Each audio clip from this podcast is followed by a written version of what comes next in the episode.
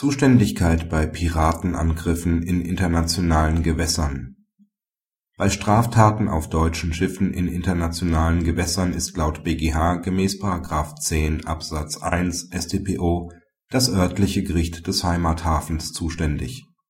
Ende März 2009 wurde ein Brennstoffversorger der Bundesmarine in internationalen Gewässern vor Somalia von Piraten angegriffen. Dabei wurden sieben Piraten verhaftet. Der BgH hat nun entschieden, dass für die Aburteilung gemäß § 10 Abs 1 StPO das LG in Kiel als dem Heimathafen des angegriffenen Schiffs zuständig ist. Der Geltungsbereich der StPO entspreche dem Hoheitsbereich der Bundesrepublik Deutschland innerhalb der Bundesgrenzen.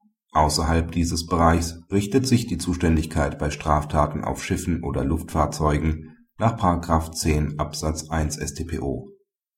Praxishinweis Mit dieser Entscheidung hat der BgH den Regelungsgehalt des § 10 StPO klar umgesetzt